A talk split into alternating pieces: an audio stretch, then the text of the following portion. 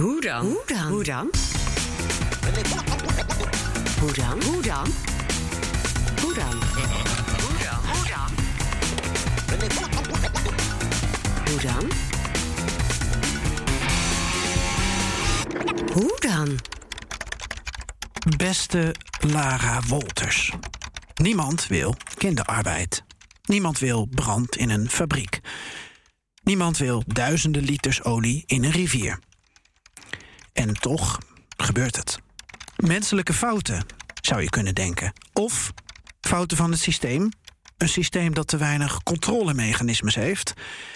Jij als ambitieuze Europarlementariër wil dit soort fouten voorkomen. Uitsluiten aan de voorkant. En daarom zou ik jou graag als te gast willen uitnodigen. Hoe maak je bedrijven beter? Hoe dwing je een zorgplicht bij ze af? Hoe kan dat eraan bijdragen dat maatschappelijk verantwoord ondernemen daadwerkelijk gaat helpen? Maar waarom mogen bedrijven dit niet zelf beslissen? Want jij zegt dus: ik schrijf een wet. Zodat Europese bedrijven in de Europese Unie, maar ook daarbuiten, in Bangladesh, in Nigeria, in Peru, verplicht zijn om sociaal en duurzaam te ondernemen. Maar beste Lara, hoe dan? Hoe dan? Hoe dan? Hoe dan? Lara, welkom, fijn dat je er bent. Leuk hier te zijn.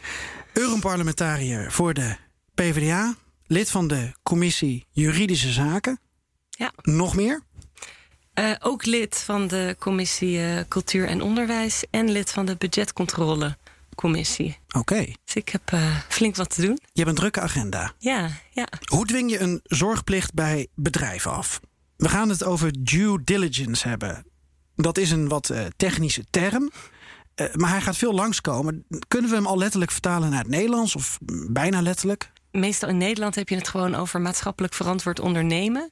Um, we hebben het ook over de zorgplicht van bedrijven. Dus de zorgplicht bijvoorbeeld wat betreft kinderarbeid. Uh, CSR komt natuurlijk vaak voorbij, hè? Corporate Social Responsibility. En ook in het Nederlands wordt dat wel gebruikt. Dat zijn allemaal termen die wel ongeveer de, de inhoud dekken. Ja. En wat misschien nog leuk is om te vertellen, is dat die, die, uh, die term due diligence, dat is eigenlijk een term die uit de financiële wereld komt. En die in de financiële wereld werd gebruikt voor iets heel anders. Want due diligence is eigenlijk een verplichting ten opzichte van aandeelhouders. Uh, en die verplichting ten opzichte van aandeelhouders is vaak eigenlijk het tegenovergestelde van een verplichting naar de maatschappij toe. Want dat is een soort verplichting om te zorgen dat die aandeelhouders uh, dat die, uh, dat die geld verdienen. Dus een zorgplicht de andere kant op. De andere kant op, maar dus ook vaak met hele tegenovergestelde uitkomsten. Uh, en het is dus eigenlijk wel grappig dat die term nou net is overgenomen in dit domein. Um, maar ja, dat, dat wordt door de VN en, uh, en door de OESO en zo gedaan. En uh, dat ga ik ook doen in het, in het rapport wat ik ga schrijven. Ja, je bent eindrapporteur van voor de commissie Juridische Zaken. Ja. Waarin je een initiatiefwet schrijft. Ja. Over due diligence, voor due diligence. Verplichte due diligence, ja. Eerste motivatie. Uh, waarom maak jij je hier hard voor?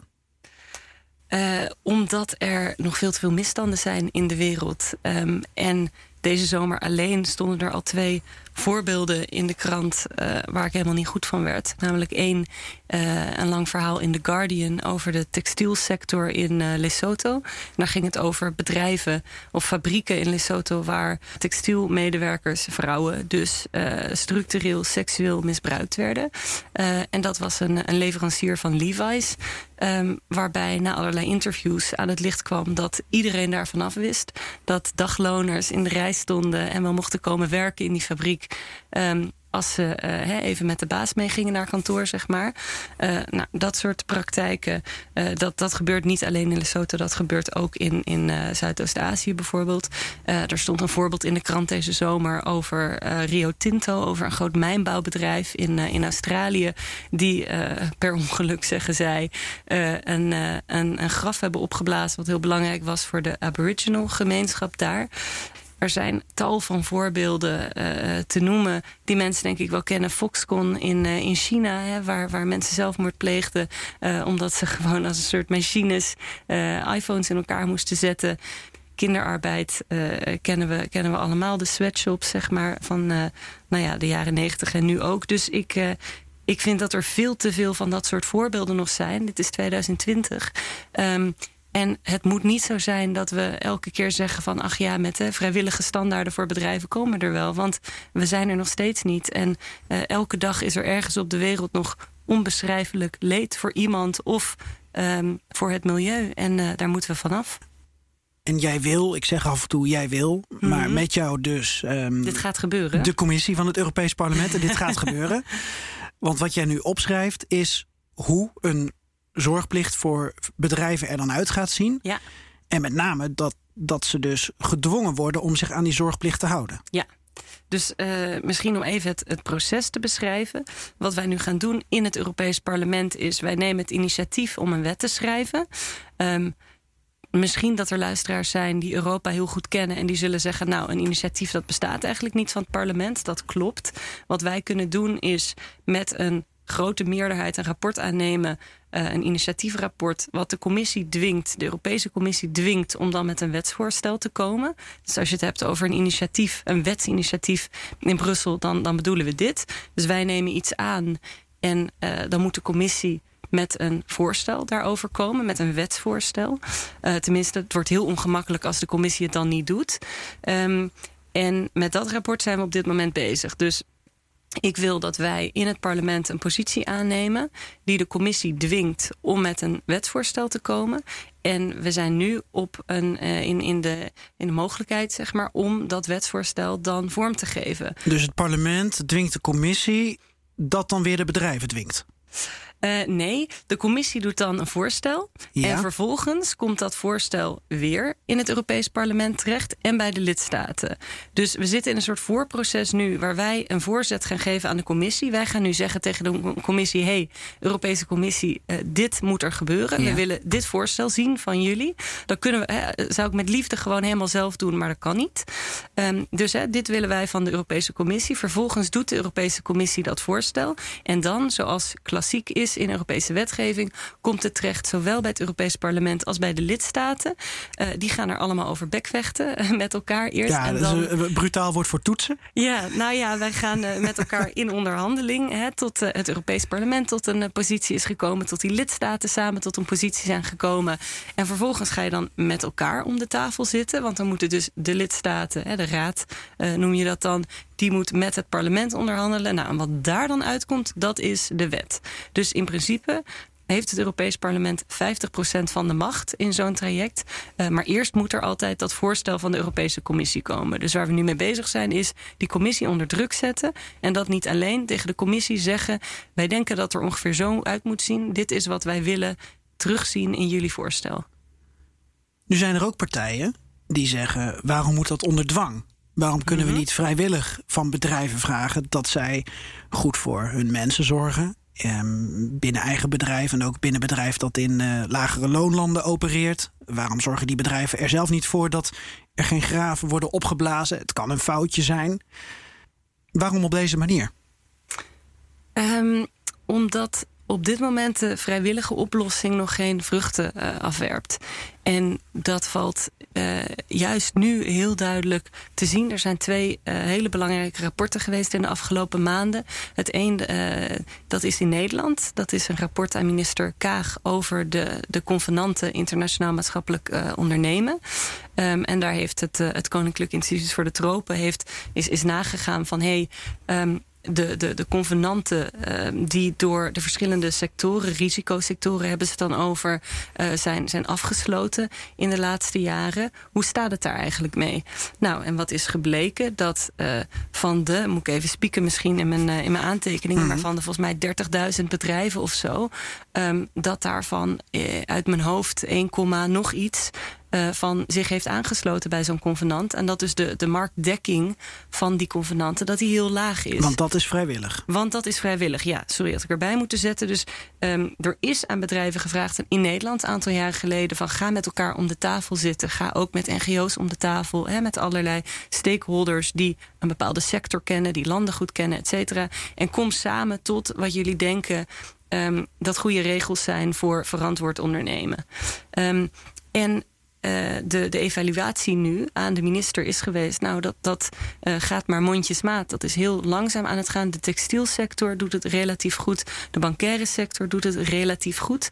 Um, maar volgens mij stond er dat in de koolmijnsector dat daar niet getoetst kon worden. Dat er geen, geen, niet wordt gemonitord. Um, dat in bijvoorbeeld de tuinsector, tuinbouwsector, dat daar nog geen convenant is afgesloten. Dus dat gaat ontzettend langzaam.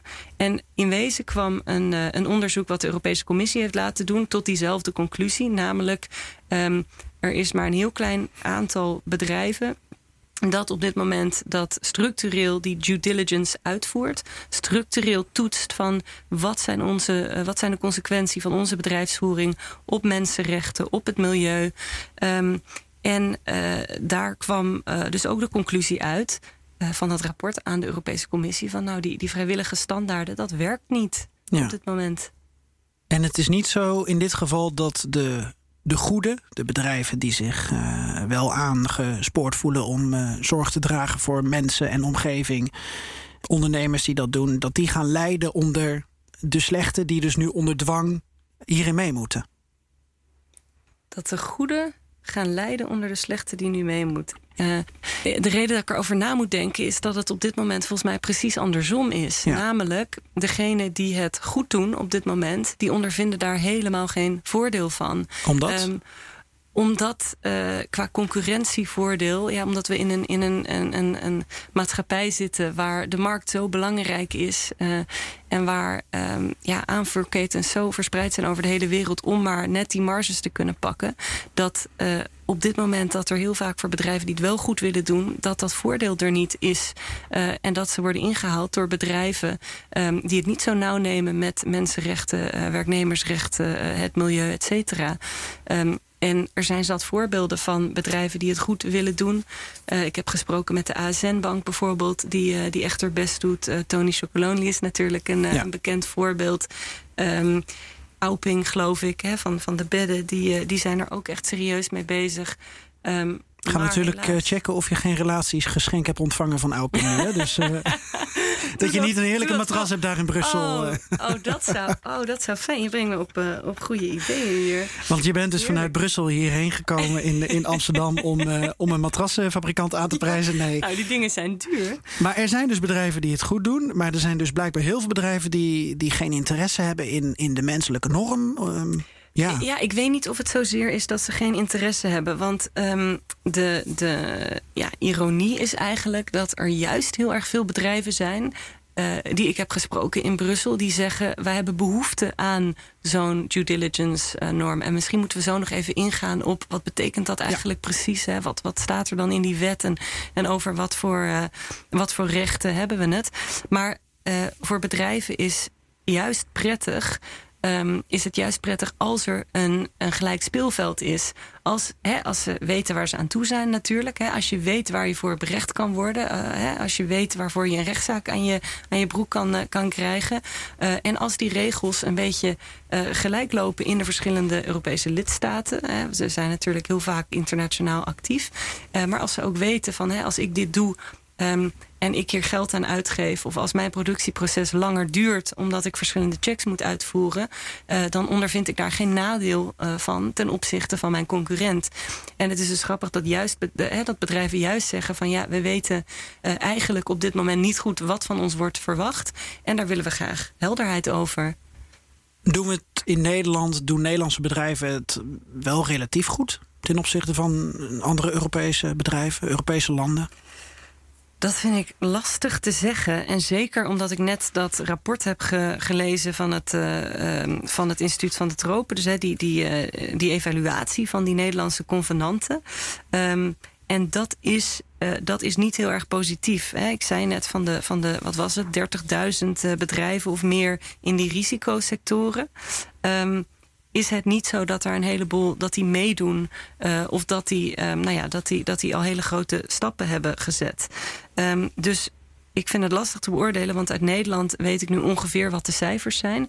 Uh, ik heb een Europese studie gelezen ook, maar ik uh, weet niet van alle lidstaten hoe het daar zit. Ik kan me voorstellen dat in Nederland uh, hè, dat het beter zou gaan dan zeg in een land als Bulgarije of zo. Ik ja. bedoel dat, dat, dat, nou ja, dat is bijna common sense op, op dat soort gebied vaak. Maar Ehm, nee, moeilijk, moeilijk te zeggen. Want misschien kunnen we toch even nog het probleem ietsje breder trekken. Want het is ook letterlijk iets breder. Ja. Als ik erover nadenk, dan, dan begint het voor mij... en ik hoor heel graag hoe dat, hoe dat bij jou zit. Uh, begon het met een brand, was het in Bangladesh... in een textielfabriek. Ja. Begin vorig decennium, 2011. Ik moet het even... Rana Plaza heb je Ja. het over. Ehm, ja, was dat 2011? Ja, ik heb hier een laptop bij me, dus ik kan het natuurlijk Ja. even, even opzoeken. Ehm 2013. Ja. Zes, zeven jaar geleden. 2013, de instorting van Rana Plaza. Ja. En toen kwam voor de wereld aan het licht dat er misstanden waren. En natuurlijk waren die er al, Mm. maar dit werd ja, het, het, het, exemplarische ervan. Dit werd het voorbeeld ervan. Dat, ja, dat is een, een, een schrijnend voorbeeld waar we allemaal eh, de beelden van hebben gezien op televisie. En dat heeft zeker op mij indruk gemaakt.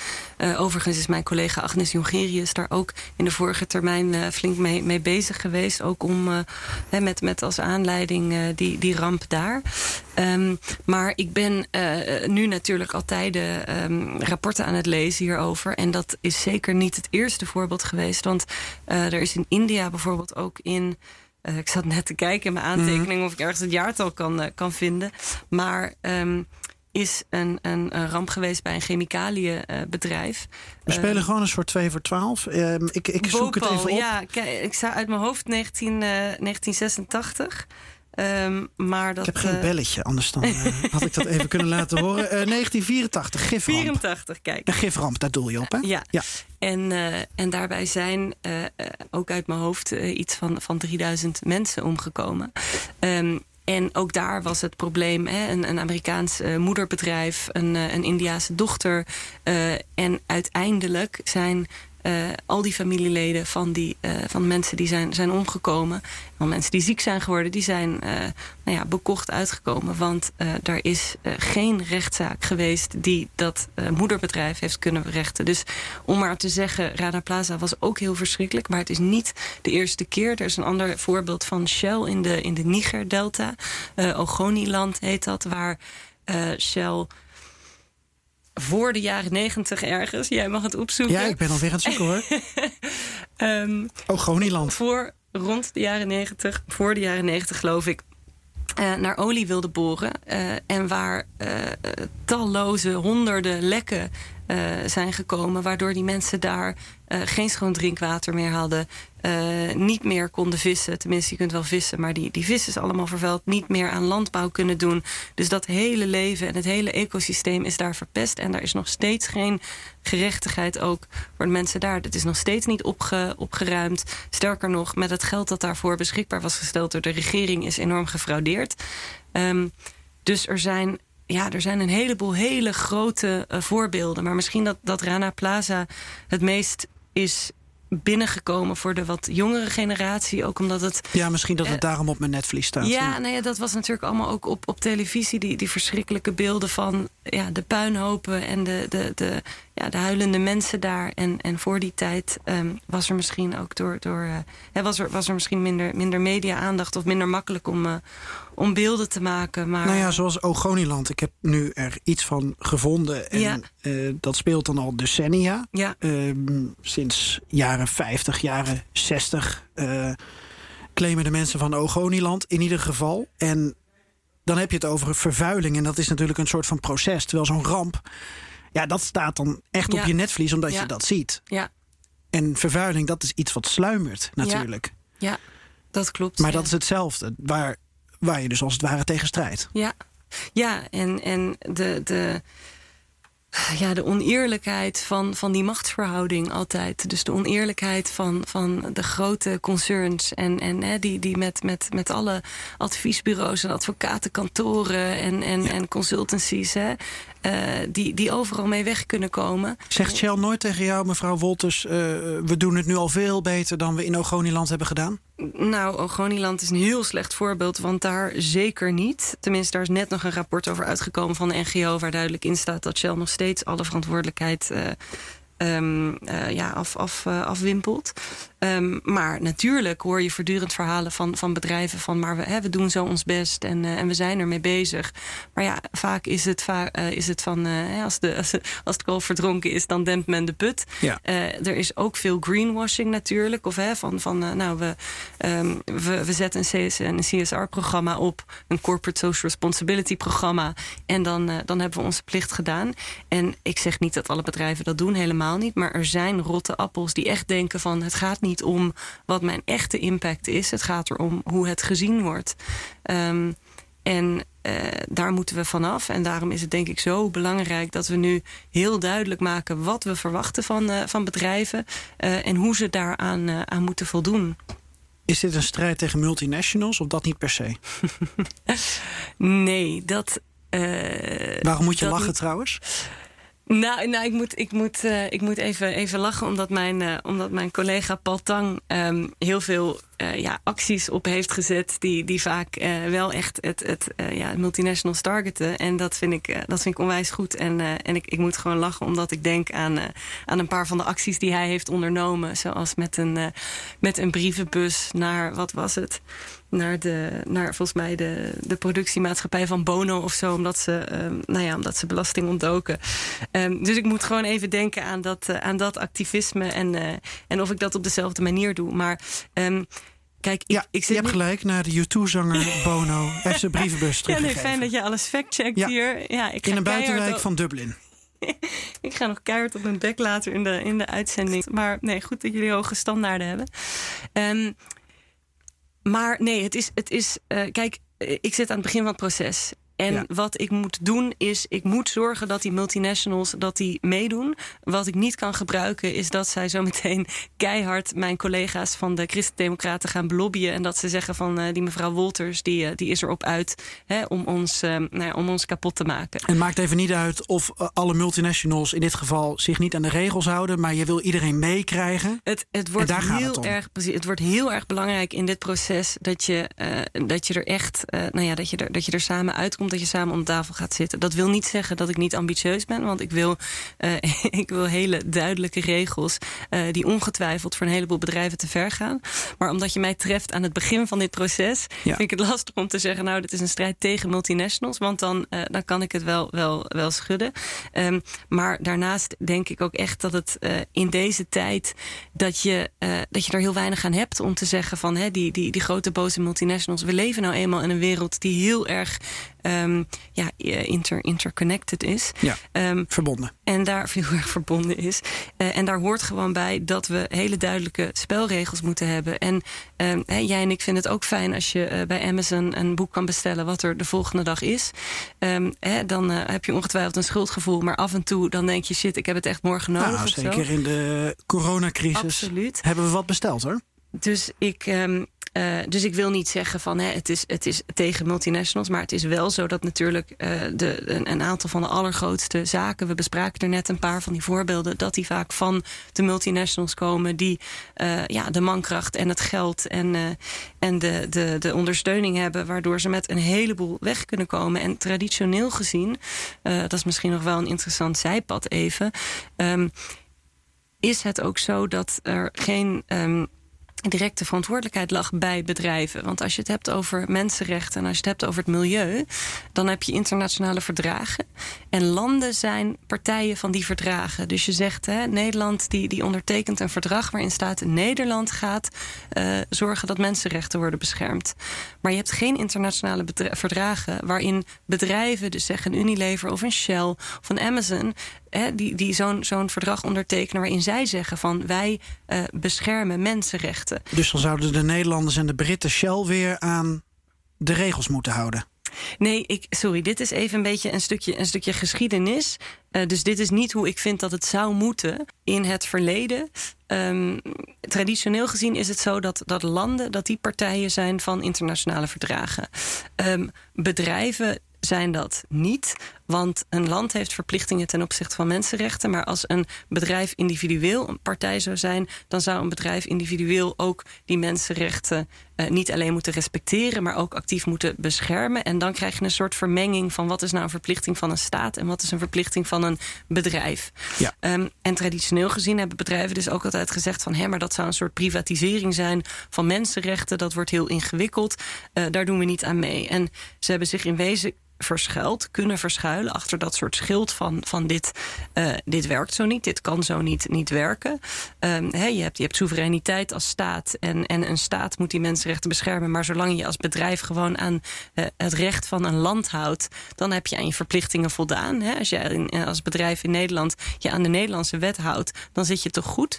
En op een gegeven moment is daar verandering ingekomen. En wordt het in wezen niet meer door hè, die voorbeelden die we net noemden, bijvoorbeeld, maar wordt het niet meer zo geaccepteerd dat dat argument gebruikt wordt van ja, maar hè, zolang je aan de wet houdt van een land, zit je goed. Want het zijn natuurlijk juist de landen Um, waar de regels flexibel zijn. Het zijn juist de landen waar uh, de rechtspraak niet zo goed werkt, waar vaak natuurlijk mensenrechten schendingen, he, milieuvervuiling, et cetera, voorkomt. En dus kun je nu als bedrijf niet meer goed zeggen van ja, maar ach, hè, ik heb me aan de Thaise wet zeg, uh, gehouden. Uh, en de Thaise wet heeft helemaal geen, um, heeft helemaal geen standaarden over nou ja, hoeveel CO2 ik mag uitstoten of zo. Dat wordt niet meer geaccepteerd.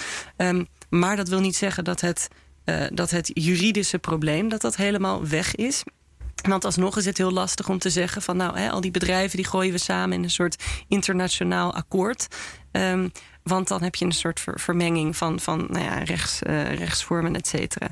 Dus wat we nu willen doen is zeggen in Europa... we gaan een zorgplichtwet maken. Die geldt voor Europese bedrijven. Maar hij geldt niet alleen voor Europese bedrijven in Europa. Dus hè, als ze in Europa uh, zeg auto's maken. Maar hij geldt ook in die productieketen, in die waardeketen van dat bedrijf. En wat we dan vragen van uh, zo'n uh, zo'n zo'n bedrijf is dat er een, een, een grondig due diligence proces bestaat in dat bedrijf. Waar dat bedrijf dus test van wat, um, wat zijn mijn, mijn onderaannemers, wat is mijn, mijn productieketen en wat zijn de risico's waar ik aan blootgesteld ben als bedrijf in die productieketen. Um, dus hè, als ik Levi's ben bijvoorbeeld, ik laat mijn, uh, mijn spijkerbroeken maken in, uh, in Lesotho. Hoe zit het daar eigenlijk? Wat zijn daar de arbeidsrechten? Uh, zijn daar überhaupt wel arbeidsrechten? En als er niet zijn, wat vind ik dan dat, dat fatsoenlijk is? En wat zijn internationale normen? Bijvoorbeeld van de, van de ILO, de International Labour Organization. Um, dus dat je als bedrijf een grondig proces opzet waarin je steeds kijkt van waar opereer ik? Wat zijn daar de risico's? Heb ik alles gedaan om uh, te zorgen dat ik vermijd dat ik. Um, dat, ik, uh, dat er misstanden plaatsvinden. Ja. Dat ik vermijd dat, ik, uh, dat er te veel uh, of dat er een milieuramp kan, kan gebeuren. En zo niet, heb ik er dan alles aan gedaan om dat goed te maken. Ik wil zo met je doorpraten over hoe dat dan in die landen ge, gehandhaafd of getoetst kan worden. Gebeurt het ook, de controle? Mm -hmm. Ik denk dat we daarvoor even terug moeten naar het moment dat jij wordt gekozen tot Europarlementariër. Historisch moment. Ja, je bent erin gerold eigenlijk, hè? Met dank aan uh, Frans Timmermans, geloof ja. ik. Ja, dat Oké, okay, we gaan even terug naar mei 2019. Ja, ik, uh, ik heb campagne gevoerd voor de, voor de PvdA in de, in de vorige Europese verkiezingen. En uh, ik stond op plaats 7 van de lijst. En ik dacht, uh, ik ga campagne voeren voor, ja, voor mijn partij. Ik ga campagne voeren omdat ik het belangrijk vind um, dat ja, dat, er, dat, er, dat er hard is voor Europa in Nederland. Omdat ik het belangrijk vind dat we een links Europa krijgen. Uh, en dat heb ik allemaal met heel veel plezier gedaan. Denkende, ik kom nooit aan het parlement. Want zeven, dat is niet verkiesbaar. Tot nu toe hebben we een hele tijd hebben we maar drie leden in het parlement gehad. En um, ja, door een, uh, een, een flitsende campagne van Frans Timmermans uh, en co. Ik bedoel, wij hebben goed ons best gedaan, maar hij was natuurlijk echt het boegbeeld. Um, heeft de PvdA zes zetels gehaald. En uh, omdat hij is doorgeschoven en eurocommissaris is geworden, dus niet dat Europees Parlement in is gegaan, rolde ik het parlement in. Ja. ja. En in dat parlement zat al Agnes Jongerius, jouw collega die we kennen als iemand die ook heel hard bezig is met uh, arbeidsomstandigheden omstandigheden verbeteren, sociale zaken. Jij wordt daar onder, onder andere door haar bij de hand genomen, want je hebt ook voor haar gewerkt. Ja. Misschien goed om te vermelden, voordat ik verkozen werd, uh, werd werkte ik al in het Europees Parlement. Uh, dus net voor ik verkozen werd, was ik, uh, was ik adviseur bij de Sociaal-Democratische fractie. Um, en daarvoor werkte ik voor Agnes Jongerius. Uh, dus dat waren de drie jaar voordat ik, uh, voordat ik zelf verkozen werd. Uh, en dat betekent natuurlijk dat ik zelf wel goed begreep hoe dat, hoe dat parlement hoe dat werkt, hoe dat daar achter de schermen gaat. En dat betekende ook dat toen ik commissies moest kiezen om in te gaan, dat ik dacht van hé, hey, die commissie juridische zaken. Uh, dat klinkt altijd een beetje technisch en een beetje droog, maar daar gebeuren onwijs belangrijke dingen. Dus vennootschapsrecht, uh, hè, waar je als bedrijf belasting moet betalen, bijvoorbeeld. Um, hè, hoe, je, hoe je als bedrijf belasting kan ontduiken. Nou, dat kun je aanpakken via die commissie juridische zaken, want daar gaat het over vennootschapsrecht. Uh, artificiële intelligentie, dat wordt vanuit de commissie juridische zaken, komt daar Europese wetgeving over. Dus dat, dat wist ik, omdat ik in het EP werkte, omdat ik daarmee te maken had gehad. En ik dacht, ha, er zijn zijn ontzettend veel nieuwe leden in het, uh, in het Europees Parlement. Volgens mij was 60% als het niet meer was uh, van de leden was nieuw. Dus ik dacht waarschijnlijk is er niet heel veel vraag naar die commissie. Ik weet dat daar hele belangrijke dingen spelen. Het is een kleine commissie. Daardoor krijg je uh, meer rapporten toebedeeld. Um, dus daar heb ik strategisch op ingezet. En vervolgens um, was er een, een Duitse collega van mij, ook van de SND, en die wilde graag uh, ja, coördinator noemen we dat dan. Maar die wil graag chef worden van alle uh, linkse leden in die, uh, in die commissie. Dus alle SND-leden, sociaaldemocraten die in de jurycommissie zitten, die hebben een soort chef om het bij elkaar te houden. Okay. Hij wilde dat graag worden. En dat was een hele sympathieke vent en, en die is hartstikke goed. Dus ik zei tegen hem: ik, ik vind het goed om jou te steunen. Hij had mijn steun nodig, had mijn stem nodig. Maar dan wil ik graag in retour dit rapport. En ik wist ja, omdat ik mijn, mijn, mijn, onderzoek een beetje had gedaan, maar ook omdat ik dus al eerder in het parlement werkte, dat uh, dit een heel belangrijk onderwerp was en dat er wel signalen waren bij de Europese Commissie van goh, misschien moeten we toch eens denken aan wetgeving. Dus ik dacht, volgens mij hebben we de wind in de zeilen, want het is natuurlijk heel rot om een initiatiefrapport te maken wat vervolgens in een la uh, wordt gelegd. Dat, dat wilde ik voorkomen. Maar ik wist dat de commissie er positief tegenover stond. Dus ik heb tegen die collega gezegd van hartstikke leuk, ik steun jou, maar dan wil ik heel graag uh, dit rapport. Um, en dat heb ik hem toen uh, uh, nou ja, nog een paar keer ingefluisterd. In de maanden daarna aan, aan zijn mouw getrokken. Van je herinnert je toch wel dat ik dat rapport wil. En ja, zodoende. En sinds wanneer heb jij dat rapport, om het zo te noemen? Uh, officieel nu sinds de zomer. Dus er moest een beslissing komen van, uh, van de hoge pieven in het uh, parlement dat, dat we dit gingen doen. Die is er gekomen. Ja. Maar ik ben er al langer mee bezig, want, want we hoopten gewoon op een, op een positieve beslissing. Dus ik ben al maanden geleden begonnen met bedrijven spreken, NGO's spreken, de commissie spreken hierover. Ja. ja. Dan krijg jij dat felbegeerde rapport waar je ook al een tijdje mee bezig bent. En dan moet er dus een ja, want je bent eindrapporteur. Dan moet er dus ja. een eindrapport komen. Uh, ja, een initiatiefwet dus. Wat, wat zit daar nog tussen? Wat mis ik? Ik mis een heleboel stappen volgens mij nu. ja, maar ik moet ze misschien niet allemaal gaan, uh, gaan vertellen. Want dat wordt, dat wordt heel saai. Ja, maar ik ben, ik ben uh, hoofdrapporteur. Dus dat betekent dat ik de pen vasthoud. Um, en van elke politieke groep in het EP uh, komt er ook iemand over mijn schouder kijken. Want alle uh, politieke groepen die vinden het natuurlijk belangrijk dat ze ook meedoen in het proces. Dat ze ook een beetje controle houden. Maar ik hou de pen vast en ik mag uh, nou ja, de hoofdonderhandelaar zijn als we op een gegeven moment met lidstaten gaan onderhandelen over deze wet. Um, en de stappen die er nu nog tussen zitten zijn: ik ga een conceptrapport presenteren. En uh, zoals dat gaat, je vroeg even naar het proces in het parlement. Dat moet in alle talen worden vertaald. Dus mijn deadline ligt voor de deadline dat ook echt gepubliceerd wordt. Um, want het is natuurlijk wel de bedoeling dat een kiezer in zeg Letland. Um, of Estland of Italië. Ja. Dat hij het ook kan lezen. Dus, uh, dus dan uh, wordt vertaald en dan kan ik het presenteren. Dan mag iedereen daarop schieten.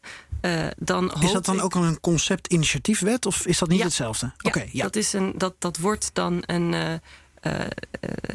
ja, wacht even. Mijn, mijn rapport is een conceptrapport. Als het is aangenomen in het EP, dan is het een, een, uh, de parlementspositie over een, een, uh, een legislative initiative. Prima. Uh, hoe het allemaal zit. Ik geloof je gelijk. ja, maakt misschien niet zoveel uit. Maar, maar het belangrijkste is dat het, het, het hele parlement, of tenminste dat een. een um, een meerderheid, maar niet een gewone meerderheid, maar een, een enhanced majority heet het, geloof ik. Dus zeg maar een grote meerderheid ja. van het EP moet mijn rapport gaan aannemen. Dat is twee derde dan. Heb ik dat goed? Ja, dat zouden we even moeten opzoeken wat het, is, nou precies dat is. Dat is procedureel. Ik dus, heb het al door, ja. Ja. Um, maar het is, het, eh, waar het om gaat is dat het niet. Um, het, het parlement moet met een grote meerderheid uh, moet het rapport aannemen. Um, want uh, anders dan zegt de commissie ook van... nou mevrouw Wolters, allemaal leuk en aardig... maar uw rapport is niet aangenomen. Dus nu hebben we toch uh, twijfels over of wij wel met dat voorstel moeten komen. Ja. Dus stap 1 is over een aantal maanden... ik hoop op zijn vroegst iets van februari... maar wordt als het goed is door het parlement... Uh, als ik niet uh, keihard onderuit ga, maar wordt dit rapport aangenomen, dan komt de Europese Commissie met een voorstel. Ja. Daar is de Commissie al mee bezig, want de Commissie heeft gezegd: we vinden dit heel belangrijk, dus laten we alvast voorsorteren. Dat is onder leiding van Eurocommissaris Reinders. Ja. Dat klopt. Ja. Um, maar de bedoeling is natuurlijk wel dat mijn rapport dat dat uh, hun voorstel bijstuurt. Ja. Um, dan uh, ergens in het nieuwe jaar zal dus de commissie komen met dat voorstel voor die wet.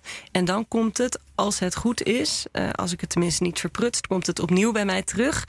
Uh, en dan moeten wij als parlement moeten we weer daar een positie over gaan innemen. Dus nu wordt het een rapport waarin de hoofdlijnen staan en waarin ik zeg: ik wil dat in artikel 1 van de wet ongeveer dit en dit gaat staan en in artikel 2 ongeveer dat en de grote concepten en de grote ideeën zijn dit en dit en dit.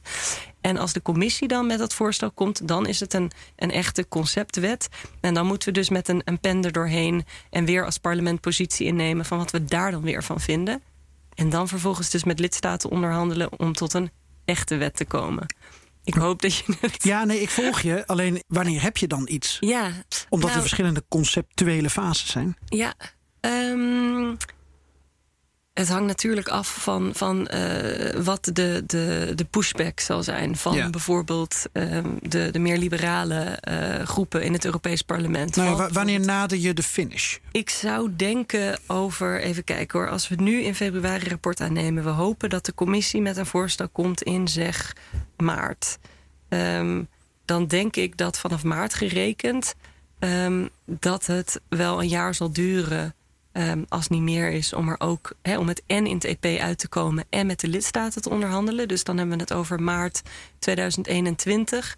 Uh, voorjaar 2021 is op zijn vroeg dat er een akkoord is. En als je een akkoord hebt, dan duurt het natuurlijk nog een tijd voordat iets ook in werking is getreden. Ja. Dus ik, ik ja, je zei een jaar, bedoelde je niet 2022 dan? Of? Het is nu. Want het is nu 2020. Oh ja, ja, ja precies. Ja, ja om even aan te geven hoe lang het duurt. Ja, ja, ja. ja. Um, dus ik denk dat het, uh, dat het realistisch is om te denken dat dit niet voor. Dat, dat we minstens vanaf nu minstens drie jaar nodig hebben voordat dit in werking treedt. Uh, maar. Uh, het is ook belangrijk natuurlijk dat zoiets goed wordt gedaan. Kijk, je moet draagvlak creëren. Je moet mensen om de tafel hebben om tot een goede wet te komen. Als je iets maakt wat helemaal niet werkt in de praktijk, dan heb je er niks aan. Kun je overnieuw beginnen. Um, nou, dan komt er een evaluatie op een gegeven moment en dan is het resultaat uh, schrappen. Uh, dus dat moet je niet hebben. En het, het voorbeeld wat ik soms geef hierbij is: er, is wel, er wordt vaak ge, geklaagd over dat er zoveel bureaucratie is. En dat, uh, hè, dat de regeltjes allemaal zo, uh, zo lastig zijn en dat dingen lang duren. Maar. Um, ja, ik weet trouwens niet of, dit, of, of het, of het een, een stom zijpad is dit. Maar, maar als je kijkt naar, naar die, die ramp bij Grenfell Tower in, in Londen... Ja. Um, dat kwam omdat die, die buitenkant van het gebouw... Dat was, dat was vlambaar materiaal waar ze dat mee hadden gemaakt. Ja, die enorme flat. Ja, ja, die enorme flat waar heel veel mensen dus zijn doodgegaan... door een brand die, die nou ja, voorkomen had kunnen worden... als dat gebouw niet zo was gemaakt. En het onderzoek wat volgens mij door de New York Times of The Guardian is gedaan... die wees dus ook uit dat dat in de, de, de bouwvergunning daarvoor... of dat, er, um, dat, dat die onzorgvuldig was. En dat dus de, de, de council, dus de, de, uh, de deelgemeente zeg maar in Londen... hoe je het ook noemt, die daarover ging... dat die, um, dat die niet... Uh, dat die geen scherpe um, eisen uh, stelde. Dus als je ja, als je iets maakt wat flut is, als je een wet maakt die flut is, of als je regels maakt die flut zijn, dan, dan uh, kan het resultaat ook echt heel verkeerd uitpakken. Dus het is gewoon heel belangrijk dat je heel zorgvuldig natuurlijk uh, ja, dit soort regels opstelt. En helaas duurt het dan soms lang, maar hopelijk uh, hebben we dan ook wat. Omdat we het over een zorgplicht hebben en jij hier te gast bent, heb ik ook een zorgplicht naar jou toe. Dus ja, wil je nog een, een beetje biertje, water of wil je een, een, biertje met alcohol, zonder alcohol? Ik heb hier van alles staan. Ik, uh, ik heb hier trouwens nog, maar ik ga even een, uh, een slok nemen. Oké, okay, nou, ik heb een alcoholvrij biertje en een watertje. Dus de zorgplicht is uh, vervuld. Lara Wolters, Europarlementariër, Partij voor de Arbeid. Eigenlijk moet ik zeggen voor de Sociaal-Democraten ben je dan. Ja, allebei. Dus de Partij van de Arbeid is aangesloten bij de Sociaaldemocraten. Dus bij de SND-fractie in het Europees Parlement. Dus allebei. En hoe is het met uh, de zorg van de SND-fractie voor jou? Want je voor bent, mij persoonlijk? Ja, want je bent daar uh, in mei 2019, uh, of ja, eigenlijk dan rond de zomer, denk ik. ik ben in juli vorig jaar ja, begonnen. Ja. Dus iets, iets later dan de verkiezingen. De verkiezingen waren in mei en in juli was ik officieel benoemd. En het beeld dat soms geschetst wordt, niet altijd terecht is misschien. Maar er wordt natuurlijk graag nadruk gelegd op dat er goed voor Europarlementariërs wordt gezorgd. Ja. Heb je dat ook zo ervaren? Dat heb ik wel zo ervaren, ja. ja ik bedoel, je, je, hebt, uh, je hebt niet te klagen, maar het is wel zo dat die vergoeding voor Europarlementariërs... dat die gelijk ligt, tenminste voor de P van de A althans, als die van Tweede Kamerleden. Dus uh, we doen daar zelf niet, uh, niet helemaal aan mee. Maar het is wel zo dat in het Europees Parlement zelf natuurlijk ook... Um, ja, dat je met egaars wordt behandeld en zo. En, en dat, ja, dat dat voor mij als, als medewerker gewoon en, en beleidsadviseur... dat dat wel even, even schakelen was. En, ja. Ja, best maf eigenlijk. Je bent niet zo van het even inchecken, de vier opstrijken... en weer wegrijden naar het thuisland? Nee, nee, totaal niet. Daar uh, erger ik me alleen maar aan. En ik zit in de budgetcontrolecommissie van het uh, EP... waar ik ook probeer om, uh, om met dat soort dingen korte metten te maken. Er zijn echt een heleboel van dat soort gekke dingen. Um, moeten we het nu misschien niet over hebben... kunnen een andere uitzending aan, uh, aan wijden. Maar uh, nee, daar, daar, daar moeten we vanaf. Uh, Straatsburg Circus bijvoorbeeld ook.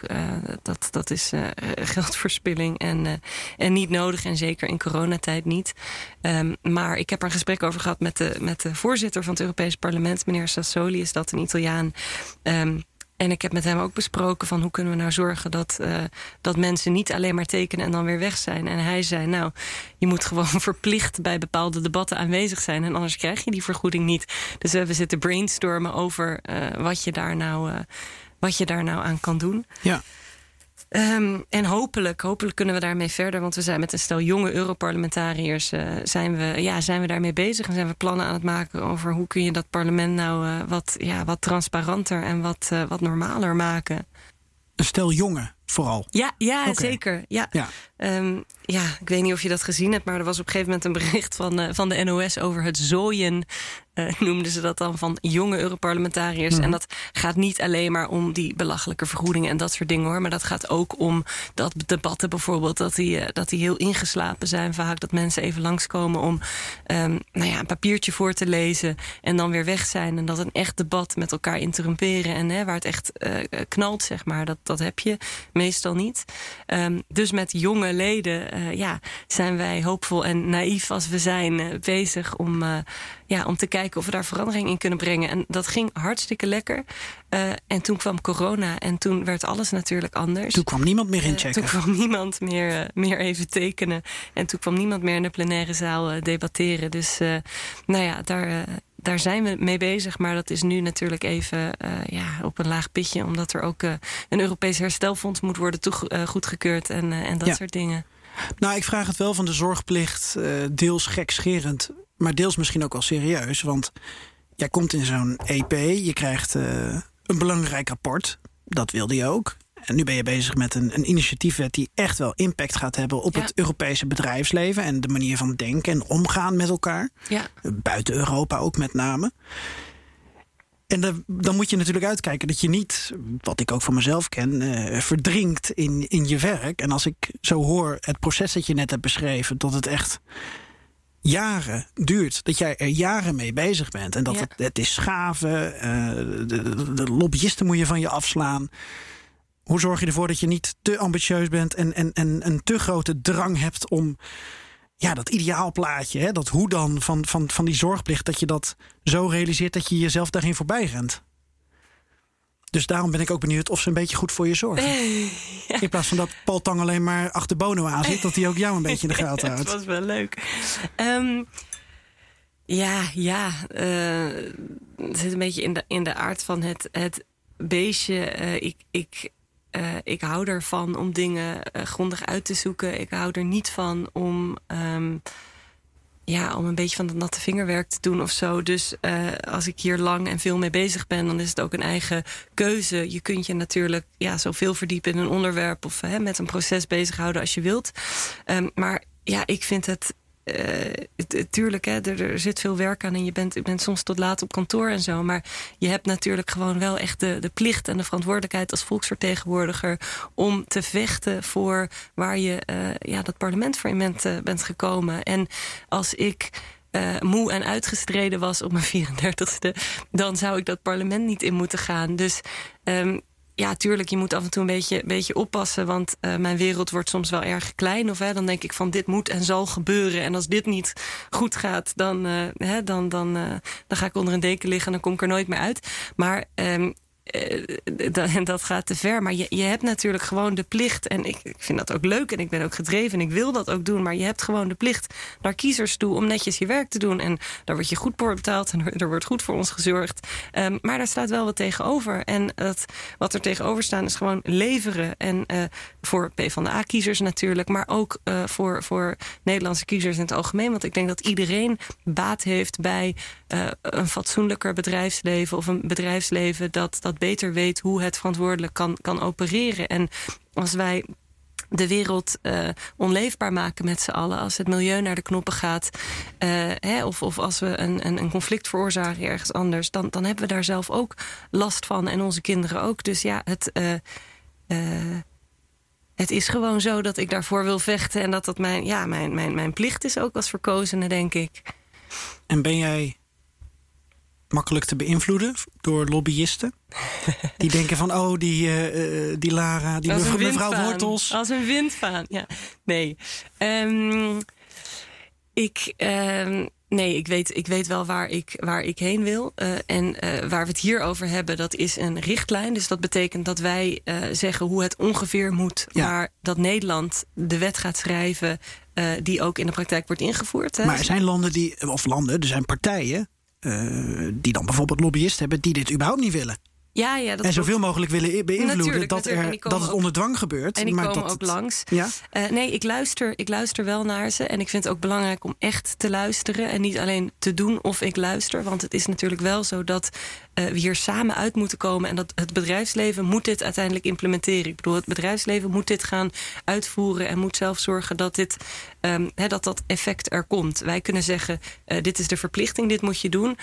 Maar als je iedereen tegen de haren instrijkt en je maakt iets wat helemaal niet werkbaar is, dan, dan kom je nergens. Zij moeten het uiteindelijk uitvoeren. Um, dus ik luister en ik, ja, ik probeer kritisch te luisteren, maar wel echt te luisteren. Um, maar om nog even in te gaan op ja, de donkere wereld van lobbyisten.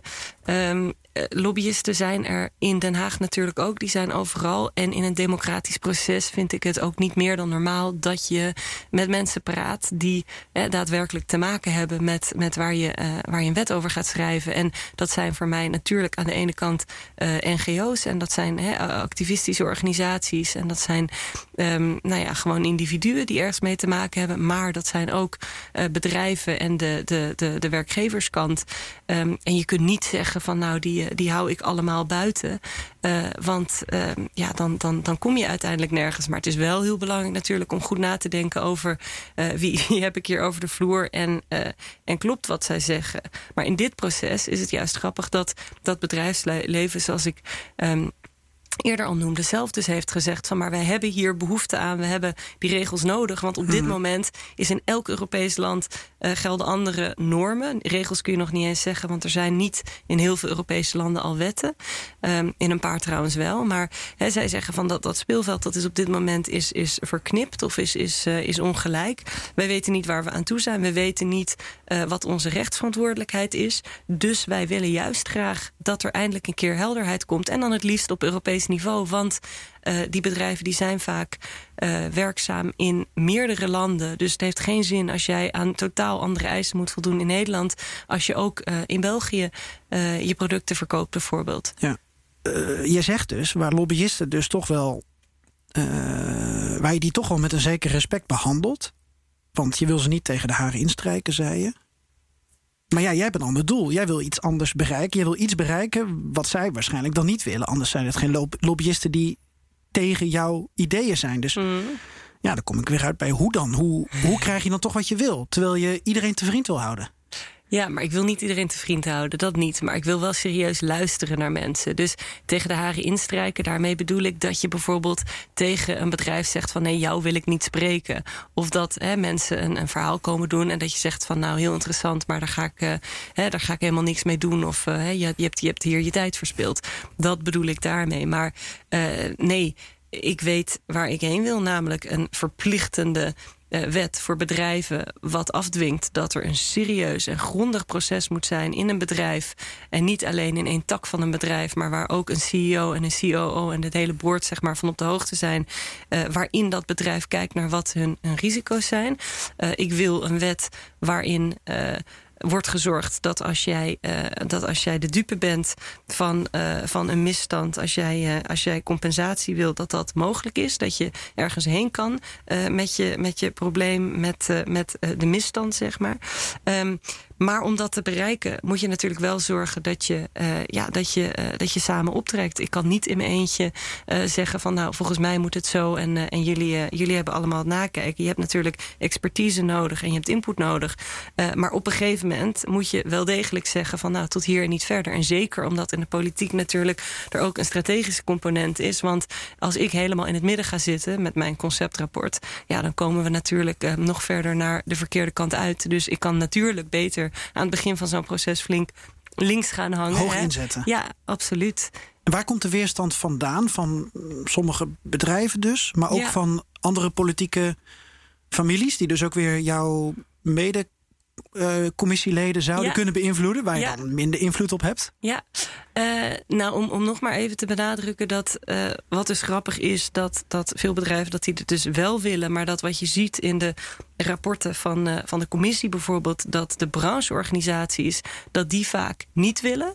Dus je hebt heel veel bedrijven die zelf zeggen van nou hier hebben we wel behoefte aan, dan weten we waar we aan toe zijn, maar dan zegt de brancheorganisatie, die heeft dan hè, 100 leden of zo, en die zegt van nou ja, maar sommigen willen wel en sommigen willen niet, dus onze positie is van dit, dit vinden we niet tof. Dus, dus brancheorganisaties die hangen op dit moment tegen.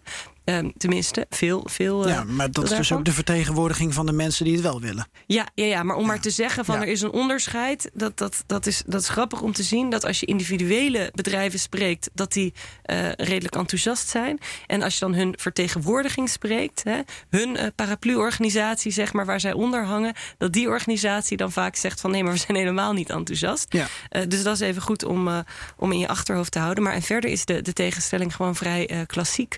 Ehm, dus hè, eh, ja, links-rechts eh, meer of minder eh, liberaal.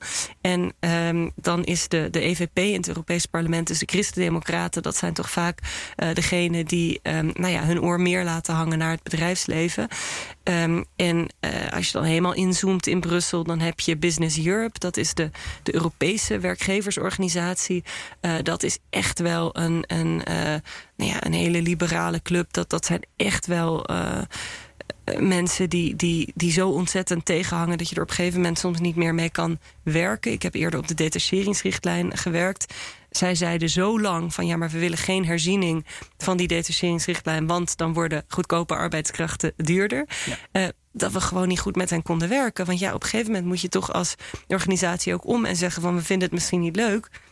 Maar we gaan ons wel constructief opstellen. Nou, dus Business Europe, dat is, dat is altijd lastig. En eh, de Duitse werkgeversorganisatie, die zijn ook, eh, die zijn ook notoire. Dat zijn ook hele, eh, ja, hele grote tegenstanders. En in het boek van John Ruggie, dat is een beetje de. de Ga ik opzoeken? Ja, ik weet niet of ik. Hoe? Godfather. R-U-G-G-I-E. Oké. De, de godfather wil ik zeggen van responsible business conduct, van, van, van maatschappelijk verantwoord ondernemen. Dat is degene die bij de VN eh, het proces is begonnen wat eigenlijk heeft geleid tot waar we nu zijn. En hij in het boek wat hij geschreven heeft over dat hele proces, dat heb ik gelezen deze zomer, want ik dacht wat hij heeft gedaan is eigenlijk precies wat ik nu in Europa ga doen, maar dan bindend en niet vrijwillig. Ehm, en hij noemt ook specifiek die Duitse werkgeversorganisatie, omdat hij zegt van zo, dat, eh, dat was een, een, een heftige lobby waar ik, ehm, nou ja, waar ik wel, ehm, eh, ja, waar ik wel wat mee te stellen heb gehad. Ja. Maar Dus, verder, eh, ja, een klassieke tegenstelling in wezen. Maar ik denk toch dat we ook wat betreft de, de, de Christen-Democraten dat we de wind in de zeilen hebben. En dat komt ook door corona. En dat zij denk ik ook nu zien dat er toch echt limieten zijn aan uh, nou ja, de, de, de moderne marktwerking. Ja. Ja, dan heb je het ook bijvoorbeeld over die, die Duitse auto-industrie. Ja. Die dus ook bezig is met een uh, reset. Je hebt natuurlijk de zwaardere industrie in het roergebied. Ja. En Angela Merkel zelf is op dit moment, uh, die, die heeft zich uh, achter zo'n initiatief geschaard. Dus je hebt een aantal landen in Europa die zelf ook al een wet maken. Hebben wij een wet in Nederland? Ja, wij hebben de, de zorgplicht kinderarbeid wet. Um, die uh, nog niet in werking is, maar wel is aangenomen. Um, door mijn uh, uh, PvdA-collega Van der Laar trouwens onderhandeld. En later overgenomen door, door Adje Kuiken na de, na de verkiezingen. Um, en dat is een wet die in wezen lijkt op wat we hier gaan doen. Behalve dat die wet specifiek over kinderarbeid ja. gaat. Dus hè, consumenten beschermen tegen het kopen van producten... die wel eens door kinderarbeid zouden kunnen Ja, voor de duidelijkheid, in vaak in andere landen dan in ja, Nederland. Ja, want wij precies. hebben de kinderarbeid in principe afgeschaft. Ja, um, precies. Dus denk dan bijvoorbeeld uit aan, uh, aan uh, nou ja, spijkerbroeken uit Zuidoost-Azië of zo.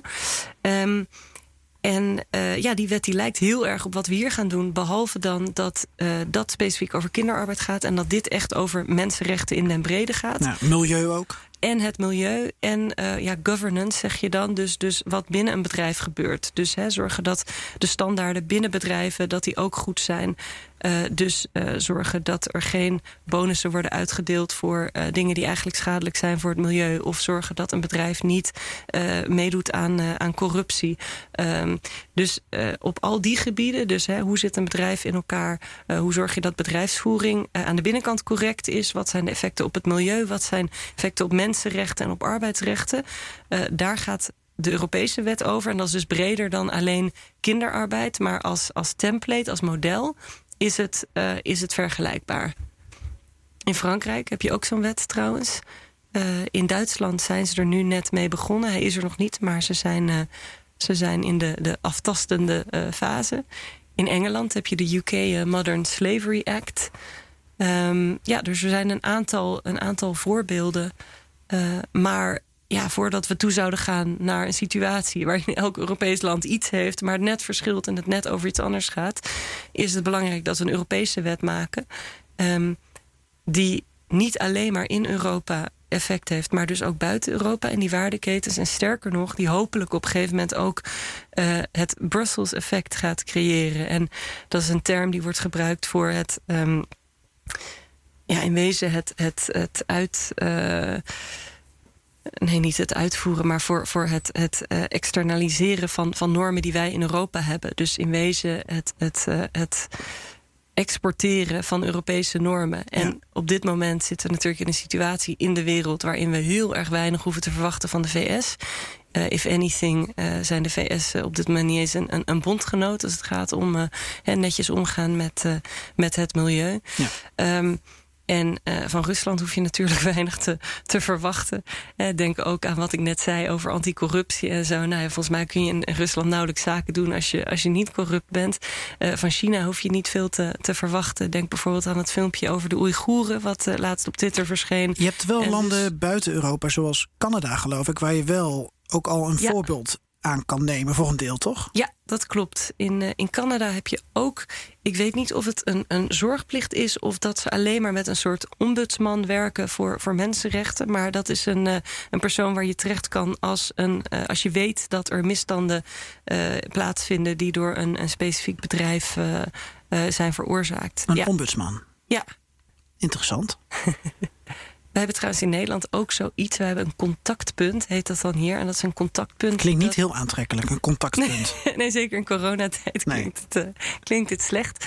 Maar um, dat is een contactpunt dat um, verband houdt met de OESO-richtlijnen. En de OESO-richtlijnen, dat zijn ook weer richtlijnen die precies hierover gaan. Maatschappelijk verantwoord ondernemen. Um, en uh, dat is eigenlijk uh, ook soortgelijk aan een, aan een ombudsman. Ehm, tenminste, daar kun je geloof ik ook terecht met uh, specifieke klachten.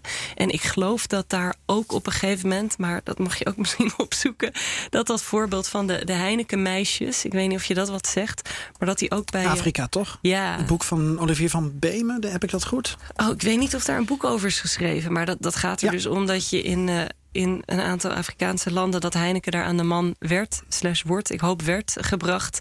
Ehm, door meisjes langs bars te laten gaan met Heineken. Maar het idee was dan dat je bij zo'n meisje niet alleen een uh, biertje kon kopen, ja, Heineken maar ook in Afrika. wel meer. Ja. Ja, ja, ja. Dus dat je daar ook nog wel andere diensten kon kopen. En dat was gewoon deel van het, het PR-model, zeg maar. Dat je dus ehm, ja, een soort veredelde prostituees, uh, die, die arme meiden. Uh, uh, ik weet niet of, of, ze ook nog minderjarig waren, maar vrij was het sowieso niet. Um, en daarover, over die praktijken, is volgens mij ook toen een klacht geweest bij het Nederlands contactpunt uh, wat, dus, uh, wat dus is ingesteld voor die OESO-richtlijnen. En de OESO, dat is de Club van Rijke Landen. Misschien moet ik er dat even bij zeggen. En die hebben dus ook al uh, ja, vrijwillige, of vrijwillige, maar dus niet bindende guidelines over maatschappelijk verantwoord ondernemen. Um, de NCP, Nationaal Contactpunt ja. Nederland. Voordat je denkt dat het de communistische partij is. Nee, het is Contactpunt Nederland. Ik vind ombudsman of ombudsvrouw toch eigenlijk wel iets voor in de toekomst misschien. Mm zoals ze dat dan in Canada noemen. Heb je wel gelijk een beeld bij zo van daar kan je terecht met je, met je klachten? Um, ja, ik denk dat dat, uh, dat het goed is om te doen. Maar uh, op dit moment is het allerbelangrijkste, denk ik. Um, ja, het is, het, is, het, is, het is goed om als individu natuurlijk ergens terecht te komen. Maar wat ook belangrijk is, is dat je gewoon een, een autoriteit hebt in Nederland.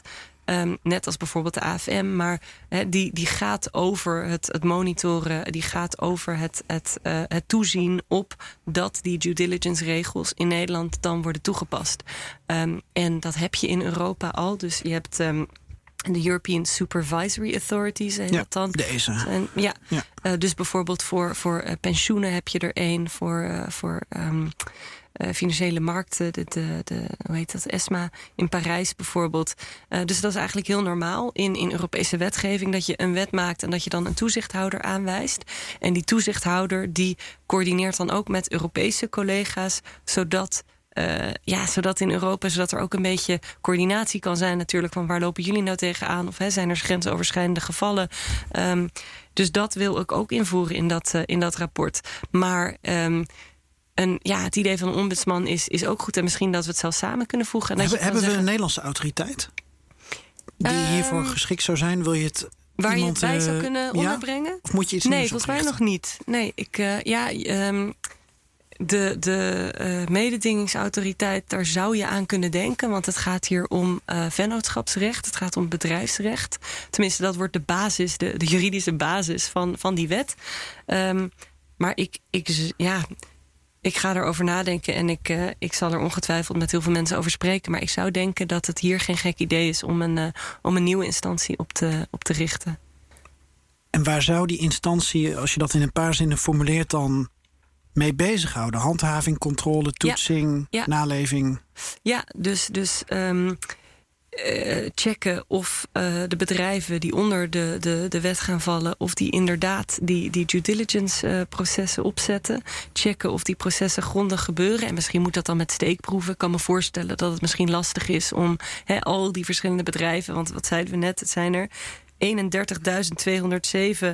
um, die in de hoogrisicosector vallen. Nou, en mijn rapport gaat nog niet eens alleen maar over de hoogrisicosector. Dat is nog breder. Dus je kunt niet zeggen tegen zo'n autoriteit... nou, en ga dan overal nee, na. Flink wat eh, inspecteurs nodig. Ja, nee, ja. dat niet. Maar ik kan me voorstellen dat je met steekproeven bijvoorbeeld... dat je dat, uh, dat, je dat wel doet. Uh, dat het een soort vraagbaak kan zijn voor bedrijven zelf. Van, hé, hey, doen we het nou goed op deze manier? Of hè, we, we, we hebben een probleem. Uh, kunnen jullie ons, ons hiermee helpen? Van, we, we willen wel, maar we weten niet precies hoe. Um, en in, in het rapport wat net is verschenen over dus die Nederlandse convenanten wordt ook gezegd dat dat iets is waar bedrijven tegenaan lopen. Dus dat er een soort, uh, een soort gat zit tussen de expertise uh, en, en tussen wat, wat uh, bedrijven willen. Dus hè, van ja, we, we, we willen dit wel, maar, maar hoe doen we dit eigenlijk? Of hoe, hoe geven we dat vorm? Um, maar handhaving dus en, en coördinatie met, met andere Europese. Um, met die, diezelfde andere Europese instanties, zodat, zodat als er ergens bekend is dat uh, een bedrijf zich misdraagt in het buitenland, dat het niet alleen bijvoorbeeld in, in Italië blijft hangen, maar dat in Nederland dat ze ook weten van hé, hey, wacht even, uh, hè, uh, zeg Nestlé, ik noem maar wat, maar hè, die is uh, die is in, in, in Italië uh, in gesprek omdat, uh, nou ja, omdat er is gemeld dat, dat Nestlé's praktijken in, in Brazilië of zo, dat die, dat die niet door de beugel komen. Ja, dan, dan is het natuurlijk goed als Nederland daar ook van, van weet. Dus dat ja. soort coördinatie ook. Dus dan krijg je ook informatieuitwisseling. Ja. Dan wordt het best wel een forse autoriteit, denk ik. ja, Werkgelegenheid, fijn. Werkgelegenheid. In de coronatijd. Kunnen we weer vechten allemaal om in welke Europese stad die, uh, die dan Oh, ja. moet zijn. En dan komt er ongetwijfeld weer kritiek dat er, uh, dat er de volgende, hè, de zoveelste Europese instantie wordt opgericht. Maar ik denk dat dit belangrijk genoeg is om het te doen. En tuurlijk, hè, je, moet, je moet efficiënt uh, zijn. Dus als, als we met elkaar denken dat het ondergebracht kan worden bij een bestaande autoriteit, dan, dan, dan prima. Maar dan heb je dus een Maar- Europese autoriteit en een Nederlandse autoriteit. Uh, nee, dus je hebt een, een uh, uh, gewoon per lidstaat heb je er één. En dan heb je een, een, een samenwerkingsverband. Wat, wat zorgt voor, voor coördinatie. En tuurlijk, dan kan het uiteindelijk zo zijn dat je denkt van nou, we hebben ook nog een, een, een permanente coördinatie nodig. Um, maar in eerste instantie zou ik denken van dat het belangrijk is dat er een, een vraagbaak slash handhavingsinstelling in, in elk Europees land is. Ja. Ja, en dan zou je hier een, een, een, een office hebben waar de inspecteurs zitten die dan de Nederlandse bedrijven Ja. afgaan, bijvoorbeeld. Ja. Niet dat ze allemaal vanuit Brussel en Straatsburg weer heel Europa doorreizen. Met de trein zou kunnen. Maar uh, wil je nog een alcoholvrij biertje trouwens? Of wil je nog een watertje? Uh, nee, ik, uh, ik heb nog bier. Dus, ben je nog goed? dank je. Ja, helemaal goed. Ik wil je nog wat vragen over uh, minister Kaag, die meer in convenanten lijkt te geloven dan in wat jij nu voorstelt, waar jij aan werkt. Dus ja. zij is, als ik het goed vertaal, voorstander van een vrijwillige basis. Een convenant moet je wel bij aansluiten. Dus je zou kunnen zeggen dat gaat net iets verder dan vrijwilligheid. Mm -hmm. Als je in het convenant zit, dan hoor je bij een club en dan hoor je je misschien daarnaar te gedragen. Mm -hmm. Waarom geloof jij niet in convenanten? Um, nou, uh, omdat die niet de gewenste vooruitgang opleveren. En uh, dat is niet mijn mening, maar er is net een rapport verschenen, net voor de zomer, waarin wordt geëvalueerd wat die impact van die convenanten tot nu toe is. En dat is. Nou ja, vernietigend wil ik het niet noemen, maar daar komt toch echt duidelijk uit naar voren dat op dit moment dat er weinig vooruitgang is. Um, eh, daarin staat, er is alleen maar um, voortgang of, of voortgang van enige substantie geweest in de, in de textielsector en in de bankaire uh, sector. Um, er staat dat in de goudsector, dus uh, goudmijnen en, en, uh, en export hierheen, dat dat langzaam gaat. Dat in de kolenmijnsector dat daar geen monitoring plaats heeft gevonden, dus dat er niet kon worden gecheckt. En dat in alle andere sectoren, en dan hebben we het bijvoorbeeld over metaal en voedingsmiddelen en uh, olie en gas en elektronica en zo, dat, daar, um, dat het nog te vroeg is om te oordelen, omdat er nog geen convenant is. Of omdat het nog zodanig in de kinderschoenen staat dat het niet kan worden geëvalueerd. Ja. Heb je niet te weinig geduld dan? Als het soms nog in de kinderschoenen staat? Uh, nou, nee, want dit is niet. Ik bedoel, Nederland, dat is, dat is, uh, dat is één zaak. Maar um, uh, ook als je naar de Europese studie gaat, hè, die, die, die is verschenen in, in februari, dan wordt precies hetzelfde. Hè, daar wordt in heel Europa gekeken naar hoeveel bedrijven doen nou aan due diligence op vrijwillige basis. Um, en ook daar wordt gezegd dat is heel erg minimaal. Um, dus ja, ik, ik, uh, ik, ik geloof er niet in, omdat op dit moment uh, gewoon de feiten een andere kant op wijzen, of de, de cijfers in elk geval. Um, en daarbij, een, een, een, die convenante aanpak, dat is een puur Nederlandse aanpak. Um, en zelfs al werkte het in Nederland, zelfs al ging het hartstikke goed, zelfs al werd er met groot enthousiasme en, en zonder technische moeilijkheden en zo werd dat omarmd, um, dan is het nog steeds zo dat als je het daarbij laat, dat in zeg Bulgarije of Italië of in Estland dat dat geen verandering afdwingt. En daarom denk ik dus ook.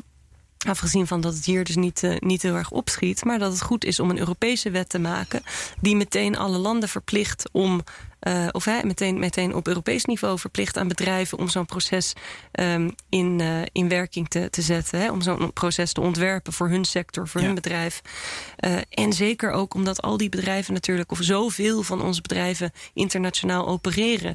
En wat je niet wil hebben, is dat je in Nederland braaf meedoet en aan de regels voldoet. voldoet en dat je vervolgens naar zeg Engeland gaat, of hè, dat je daar zaken wil doen. Of nee, Engeland is een slecht voorbeeld, want die, die zit er natuurlijk die niet meer bij nu. Ja. Maar hè, dat, dat, die zoeken het maar uit met hun die, zo, die zoeken mensenrechten. Het maar um, nee, maar hè, dat in een ander Europees land dat het, dat het totaal anders in elkaar zit en dat je weer uh, opnieuw kan beginnen. Aan de andere kant, uh, we zullen het nog even met convenanten moeten doen. Want um, jouw wet is er nog niet. Ja. En we hebben eerder geschetst dat het nog wel even gaat duren. Uh, stel dat het in 2022 van de grond komt. Dan nog moet je weer verder gaan opbouwen met uh, bijvoorbeeld die autoriteiten instellen. Met mensen werven, aan, uh, trainen, uh, plaatsen. Ja. Het zou zomaar, het is nu 2020, het zou zomaar vijf jaar kunnen duren voordat het echt goed up and running is. En dan, Mhm. tot die tijd moet je natuurlijk wel, als je het belangrijk vindt, ervoor zorgen dat die zorgplicht, al is het op vrijwillige basis, wel Ja. Ja, maar het, het een sluit het ander niet uit. En wat ik niet zeg is, uh, hè, schrap, die hele, uh, schrap die hele convenante aanpak in Nederland. Dat niet, want het is een...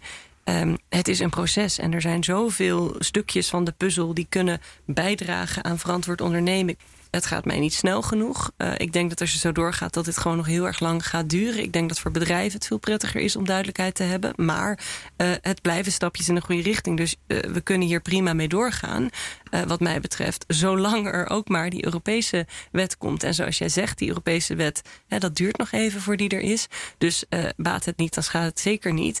Uh, laten, we, laten we vooral doorgaan in Nederland tot die tijd. En als die Europese wet er dan is en die, die zou op enige manier die convenanten bijten, nou dan moeten we zorgen natuurlijk dat, dat er een oplossing voor is. Maar het is helemaal niet erg om nu op deze manier door te gaan. Want die. die, die um, ja, die buy-in zeg maar, van, van, van die bedrijven en bezig zijn met dat proces en door elkaar worden aangemoedigd. En hè, in, in bedrijven die, die kennis die steeds groter wordt hierover, dat, dat wordt allemaal ook aangemoedigd door die convenanten natuurlijk. Hè. Het is, het is een, een, een, een, ja, een, een, een proces wat, wat uh, verder rolt en, en, en op zich positief is. En ik denk dat als je kijkt naar de hele geschiedenis van waar we vandaan komen.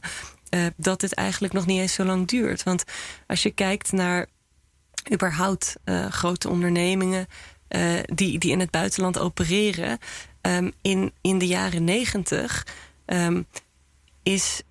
Is het eigenlijk pas, of hè, dat, dat waren een soort van de, de nou ja, hoogtijdagen, moet ik het misschien niet noemen, maar dat was echt de tijd dat er heel erg veel is veranderd. Een soort nieuwe fase was voor de markt en voor grote bedrijven. En dat was de tijd dat, hè, dat, dat uh, hier de ideologische veren werden afgeschud. En Tony Blair die had het over uh, de New Way volgens mij. En, uh, of de Third Way. En, en dat, dat was een, een soort grote mismatch van, van liberalisering en, en privatisering. En in, in, in die jaren zijn bedrijven um, ook door allerlei handelsakkoorden en door, door allerlei nieuwe regels over de. de um, uh, over investeringsbescherming. Hè? Dat als je ergens uh, in een ander land investeert, dat je, dat je beschermd wordt uh, tegen. Ja, als, er, als er daar opeens nieuwe regels ontstaan. Dat allemaal in de jaren negentig zorgde dat, dat bedrijven nou ja, over de hele wereld zijn gaan ondernemen. En, en dat, dat, dat, dat, dat de lol niet op kon. En van die situatie naar waar we nu zijn in minder dan twintig jaar, zeg maar. Of hè, in, in, in van, van de jaren negentig tot zet maar 2000 uh, was het misschien vrijheid, blijheid. Maar vanaf toen is eigenlijk al gezegd van... hé hey jongens, uh, dit, dit gaat zo niet. Mm-hmm. Um, dus de, als, je, als je het in die context bekijkt... dan vind ik eigenlijk dat we nu best wel snel stappen aan het nemen zijn. Het gaat niet snel genoeg. Het zou... Um, ja, ik bedoel, het zou pas snel genoeg zijn als je, als je gewoon kon zeggen van hè, we, we hebben, we hebben, al, uh, we hebben al, al, al tijden helemaal niks meer in de krant gelezen over wat er allemaal mis, uh, misgaat. Maar uh, ik, ik denk dat, um, nou ja, dat als je het in die context ziet, dat het, dat het eigenlijk dat we nu best wel snel, snel de, goede, de goede kant op gaan. Is dit ook niet dat je zo denkt of dat je dit zegt omdat de, de politieke realiteit is? Want je kan wel willen dat het morgen verandert, maar er gaat dus bijna een generatie overheen, bij wijze van spreken. Je hebt het over 20, 30 jaar, waarin dan voor jouw gevoel wel veel verandert nee, maar, ja, en een omslag wordt gemaakt. Wat ik, wat ik zei was van, kijk, in de, in de jaren negentig uh, en, en die hele tijd van, van, uh, van privatisering en deregulering en de tijd waarin het was van hè, we moeten bedrijven niet al te veel regels opleggen, um, want um, het, het, uh, het beste resultaat wordt geboekt als je dingen gewoon lekker aan bedrijven zelf uh, overlaat. Hè, het regels maken en, en ferme regels, dat was uit, zeg maar. En als je kijkt van, van, van dat moment tot Um, tot het moment dat CSR zeg maar inraakte, of dat bij de VN dat proces begon van, van jongens, dit kan zo niet. Um, dan heeft die, die, die tijd van vrijheid, blijheid... die heeft eigenlijk niet zo heel lang geduurd. dat was dan tien jaar of zo en toen was het klaar. En dat was tien jaar te lang. En in die tien jaar zijn hele vreselijke dingen gebeurd. En zijn eh, gemeenschappen verdreven uit hun gebied. En is het milieu uh, verknald op heel plekken. Dus dat is allemaal uh, ontzettend treurig. En, en, en um, daar kun je heel erg kwaad van worden. En dat doe ik ook. Maar als je dan nu kijkt naar dat we sinds, sinds zeg maar hè, 2000 eh, tot nu ongeveer... Um, dat we al bezig zijn weer met um, hoe het wel moet. En met stappen in de richting van nee, wacht even. Je hebt wel degelijk als... Uh, als een bedrijf verantwoordelijkheid, dan denk ik van nou, van dan tot nu dat we met z'n allen, hè, ook in Brussel, dat de sfeer er is om gewoon verplichtende regels te maken voor bedrijven over hoe je je gedraagt, um, dan, valt dat, dan valt dat denk ik wel mee. Maar tuurlijk, als, als nou ja, je hebt zelf op dat papiertje staan dat er nog veel misstanden zijn. En dat er nog veel risico's, hoge risico's op misstanden zijn. En dan denk ik, ja, dan duurt het wel lang. Ja, ja, het duurt altijd te lang. Ik bedoel, elk, elk probleem, elk, elk persoon die, die, die ziek wordt van hè, in giftige dampen werken, uh, is er één te veel. Elk, elk uh, meisje dat misbruikt wordt door een opzichter in een kledingfabriek, is er één te veel. Um, hè, het, het, milieu wordt, wordt ook door ons hier in Europa nog, nog uh, schandelijk misbruikt, hè, uh, beveld. En maar dan is het toch heel dus, vervelend en misschien klink ik veel te, veel, te, veel te lekerig en als een populistische burger. Maar dan is het toch heel, heel vervelend dat het zo stroperig en zo lang duurt af ja, en toe. Ja, maar dat, dat is het En dat dat het proces is met, met, met al je conceptuele fases. dat, dat is het ook wel. Maar ja, ik denk dat als ik uh, als ik daar te veel op focus, uh, ja, dan, dan, dan, dan, kom, ik bedoel, dan kom je nergens. Dan kun je niet in het parlement werken, want daar, want daar, is, het, uh, daar is het stroperig. Dus tuurlijk, ik, denk dat je gelijk hebt dat ik me er misschien bij neer heb gelegd, omdat het gewoon niet anders is. Maar um, ik ik denk wel dat, dat wat ik net ook al beschreef, dat al die stappen die je maakt, die zijn vaak toch wel belangrijk voor, voor het, het, draagvlak. Um, en zijn belangrijk om een goede wet te maken. Hè, of om te zorgen bij de VN dat iedereen erbij betrokken is. Um, en dat is ook wat waard. Uh, dus ja, het duurt lang en elk incident is er één te veel. En het had gisteren al gefixt moeten zijn. Maar als je kijkt naar de realiteit van beleid maken, um, dan, ja, dan, dan dan accepteer ik dat uh, zo'n proces als dit, wat echt een, een vernieuwing is internationaal gezien, wat echt heel erg ver gaat als je nou ja, de geschiedenis erop op, op naslaat, wat echt een aantal jaar geleden totaal zou zijn weggehoond door, door rechts. Dat we dan nu in een fase zitten waarin zelfs mijn collega's van de Christen-Democraten zeggen van goh, dit is toch wel een goed idee. En dan zullen ze ongetwijfeld allerlei dingen anders willen dan ik. Maar dan denk ik van dat, dat is vooruitgang. Dat, hè, dat, dat gaat langzaam, maar het gebeurt. En als het eindresultaat er is, dan hebben we echt wat. Dus ja, daarom kan ik er ook mee, uh, mee, mee leven. Maar in het proces zelf zal ik ongetwijfeld een aantal keer ontzettend gefrustreerd zijn. Als er weer hè, een, een, een, extra vergadering moet worden ingepland. Als er weer een stemming wordt uitgesteld. Um, nou, je bent er misschien wel een hele termijn mee bezig. Ja, dat zou kunnen. Dat zou kunnen. Um, dan heb je ook wel wat gedaan uiteindelijk. Maar ja, snap je? Ja, maar joh, wat is, wat is één termijn op... Hè, als, je, als je kijkt, uh, hè, dat is dan vijf jaar... in het Europees Parlement zijn nu nog vier van over. Als je daarin kan zorgen... Um, dat, ja, dat we al die voorbeelden die we net noemden... dat je die kan voorkomen of in elk geval... dat je daar positieve impact kan hebben... Dat, daar, daar, daar staat geen, geen prijs op. Uh, ik bedoel, dat, dat is zo wezenlijk, dat is zo belangrijk. Um, ja, daar, daar heb ik vier jaar voor over. En tuurlijk, als het in een jaar kon, dan met liefde. En, en hè, um, dan, wil ik, dan wil ik elke nacht doorhalen om het voor elkaar te krijgen. Maar dat, dat is de realiteit niet. Um, Dus ja, we gaan, er, we gaan er keihard tegenaan. We gaan ervoor vechten dat dit erdoor komt. Um, maar ja, als het nu uh, een termijn moet duren voordat het helemaal in kannen en kruiken is, dan, dan kan ik daarmee leven, omdat uh, het verschil dan wel heel erg uh, ja, fundamenteel zal zijn. Als het er dan is, of dat nou in 2023 of 2025 is, hoe ziet het er dan uit? Dus dat het ook echt goed functioneert. Want er kunnen allerlei kinderziektes ontstaan. En jouw doel is denk ik dat de verplichting die je aan bedrijven gaat stellen, dat dat in feite de norm wordt. En waardoor bedrijven al gaan denken uit zichzelf van het voelt niet als een verplichting, het voelt als logisch ja. dat wij ons zo opstellen en dat wij die hele keten met zorg behandelen. Ja. Maar dat zal niet gelijk in 2023 of 2025 de realiteit zijn natuurlijk. Ja, maar ik ben niet de eerste die met dit proces is begonnen. Hè? Dus er een heleboel van deze dingen die gebeuren al. Dus wat ik net zei, dat proces bij de VN, waar die John Ruggie, um, waar die uh, alle partijen bij elkaar heeft ge gebracht en de UN Guiding Principles heeft geschreven over responsible business conduct. Ik had hem net dat, opgezocht, uh, ja, maar ja, ik had niet gebeld. Je hebt dat, gelijk. Uh, dat, hele, dat hele proces, dat is jaren geleden al begonnen. En die OESO-richtlijnen die er nu zijn, of, of OESO, wat is het, Guiding Principles? Nee, ik zeg het niet goed, guidelines. Uh, die zijn ook jaren geleden al gemaakt. Dus er zijn zat bedrijven die hier echt dagelijks al mee te maken hebben. Die al he, geëngageerd zijn zeg maar, in, dat, uh, in dat proces. Dus het is niet zo dat Lara Wolters hier langskomt. En dat opeens dat, dat bedrijven dingen moeten waar ze nou nog nooit over na hebben gedacht. Het probleem is alleen dat op dit moment dat het um, te gefragmenteerd wordt gedaan. Dus he, je hebt misschien ergens iemand in een kantoortje, een, een CSR-kantoortje, Corporate Social Responsibility kantoortje zitten. Die voor een groot bedrijf. Die kijkt of het allemaal wel, uh, wel, wel hè, of de bedrijfsvoering wel netjes is. Um, je hebt. Um, je hebt geen verplichtende normen, dus er zijn gewoon bedrijven die het wel doen. Er zijn bedrijven die het niet doen. Je hebt in, in verschillende landen heb je verschillende normen.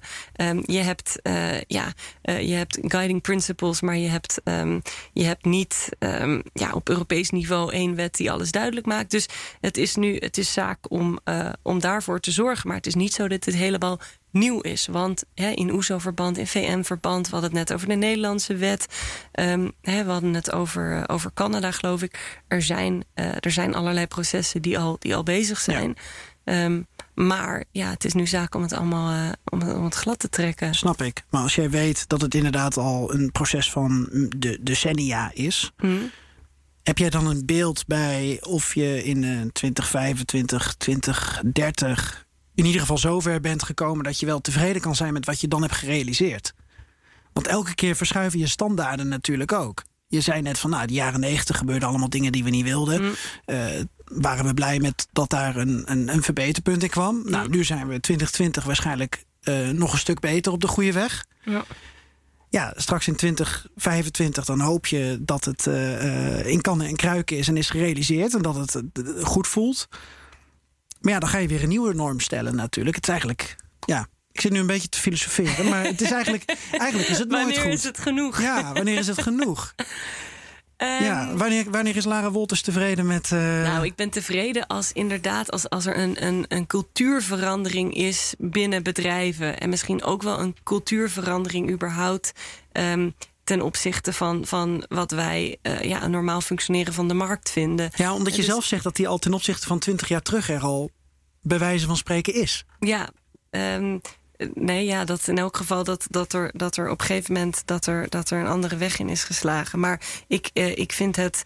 Uh, ja, kijk, ik bedoel, genoeg is het als er, als er geen misstanden meer plaatsvinden. En, en als er geen milieurampen meer plaatsvinden. En geen olielekken en zo. Uh, dan, dan, dan is het misschien genoeg. Maar tot die tijd um, is uh, het genoeg als er een cultuurverandering is, denk ik, binnen bedrijven. Dus als je echt kan zien dat in, in het overgrote uh, deel van bedrijven. dat daar niet alleen um, regels worden nageleefd. maar dat er ook echt binnen het bedrijf een cultuur is waarin dat toetsen van hé, hey, wat zijn eigenlijk onze, hè, onze effecten op het milieu en op mensenrechten en op de, de mensen die voor ons werken. Als, als die effecten, als die gewoon geïntegreerd worden in um, uh, het. het um, ja, beslissingsmechanisme van zo'n zo'n bedrijf, zeg maar. Dus dat in, bij wijze van spreken, de boardroom, uh, als de persoon die daarover gaat, uh, als die bij alle belangrijke vergaderingen zit en als iedereen weet wie hij is en als iedereen weet dat wat hij doet, dat dat effect heeft op alles wat in het bedrijf gebeurt en dat iedereen dus ook voortdurend bij hem langs moet gaan om te kijken van hey, kan dit wel?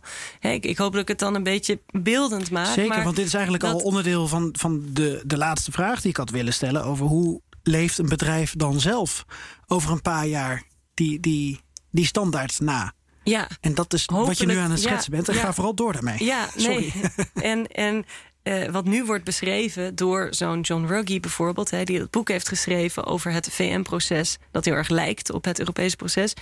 Um, maar die schrijft van ja, er zijn zulke silo's op dit moment. Degene die zich bezighoudt met corporate social responsibility, of die zich bezig moet houden met het naleven van die VN-principes, die dus niet bindend zijn, maar die dat is iemand die, die misschien die, die, die CEO van dat bedrijf nog nooit ontmoet heeft. Of hè, dat is iemand die in een totaal andere vleugel van dat, van dat bedrijf zit. Uh, en die uh, helemaal geen, geen, geen, uh, geen invloed of geen inspraak heeft. Tenminste, hij, hij zegt heel duidelijk van daar zit op dit moment zit, zit zo'n gat tussen.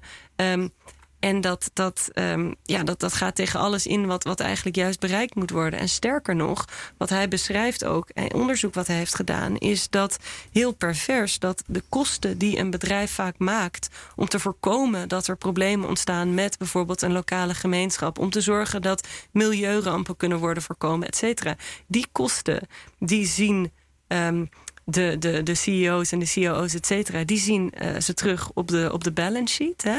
Daarvan kun je zeggen van ja, hè, we, moesten, uh, we moesten een advocatenkantoor in, in, uh, inhuren en we moesten er een paar keer heen. Het was een duur jaartje qua nou, ecologische, jaar. ecologische rampen. Precies. Dat, die kosten van het voorkomen en van het bezighouden met die, met die risico's, die zie je vaak terug. Maar de kosten van een conflict en van een aanslepend conflict en van een conflict van, van een, een bijvoorbeeld een bevolking die of een lokale gemeenschap die zegt van we gaan een, mijn blokkeren, uh, want hè, we worden hier van ons land gezet of zo. Die kosten die zie je vaak niet terug. Dus het, het, de, de kosten van nou ja, corporate social responsibility, zeg maar die worden vaak uitgesplitst.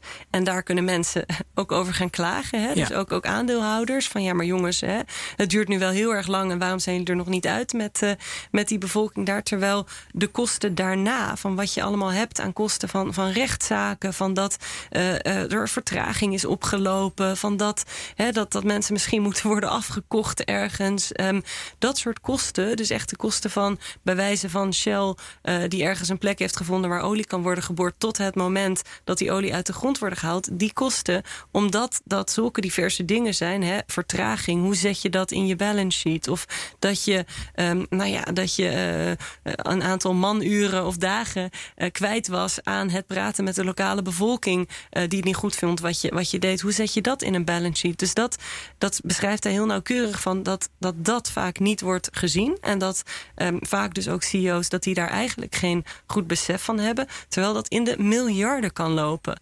Dus hè, de, de kosten van het verkeerd aanpakken zijn enorm maar kun je vaak niet goed terugzien. Tenminste, die komen niet onder één noemer op een balance sheet te staan. Terwijl de kosten van hè, Pietje van CSR, zeg maar, met zijn leuke initiatiefjes, die kun je wel zien. En daar, sterker nog, zegt hij, er wordt soms ook over, over geklaagd. Van nou, dat is wel, dat is wel heel veel, uh, veel geld. Terwijl die kosten zo kunnen oplopen en vaak een veelvoud zijn de, de, kosten van als het misgaat, um, van, van wat, je, wat je aan kosten hebt om iets te voorkomen. Uh, dus Volgens mij was jouw vraag van hoe zit de, uh, de wereld eruit binnen nou ja, hiermee geef je aan, dit kan, ook een, dus. dit kan ook een incentive zijn... juist voor, voor CEO's en CFO's... Ja, om, ja, ja. om, nou om die risicocalculatie te doen. Ja, en dit is niet, ik bedoel, dit is niet, niet nieuw voor bedrijven. Ik zei het al van dit, dit, uh, dit is niet iets wat ik nu heb uitgevonden. Die, die John Ruggie die zegt ook, die wordt nu ook vaak uitgenodigd bij bedrijven, precies om dit soort dingen uit te leggen. Um, maar het mooiste zou dus zijn als uh, dit iets is wat gewoon overal in een bedrijf bekend is. En waar uh, dat, dat hele due diligence proces zodanig geïntegreerd is dat het niet meer losstaat van alle rest van wat een bedrijf doet. Um, en ja, er wordt vaak gesproken over een, een smart mix die je nodig hebt. Dus het is niet zo dat als dat gebeurt, dat dan hè, alle problemen de wereld uit zijn. Uh, wat je nodig hebt is een mix van um, bindende wetten, dus hè, die wet die wij nu gaan maken, maar ook vrijwillige maatregelen, dus die convenanten bijvoorbeeld. Um, een mix van eh, wetgeving op vennootschapsrecht en een mix van bijvoorbeeld goede handelsakkoorden. Je kunt ook denken aan hulp bijvoorbeeld bij het ondersteunen van of opzetten van uh, zeg vakbonden in, in lage landen. Ik bedoel, er zijn zoveel stukjes van de puzzel, zeg maar, die kunnen bijdragen aan dat maatschappelijk verantwoord ondernemen. Dat het niet zo is dat dit hè, de silver bullet is van nou, als we dit fixen en als die cultuur in bedrijven zodanig omslaat, dan hebben we alle problemen de wereld uitgeholpen. Dat is niet zo. Maar ik denk wel dat dit een heel wezenlijk en heel belangrijk onderdeel ervan is. En nou, misschien wel het belangrijkste als je het hebt over een zorgplicht afdwingen. om ervoor te zorgen dat het een standaard dan, wordt. Ja, ja, ik wil niet zeggen dat dit, uh, hè, dat dit een, een klein onderdeel van die puzzel is. Dit is uh, waarschijnlijk inderdaad wel het allergrootste uh, stuk van die puzzel.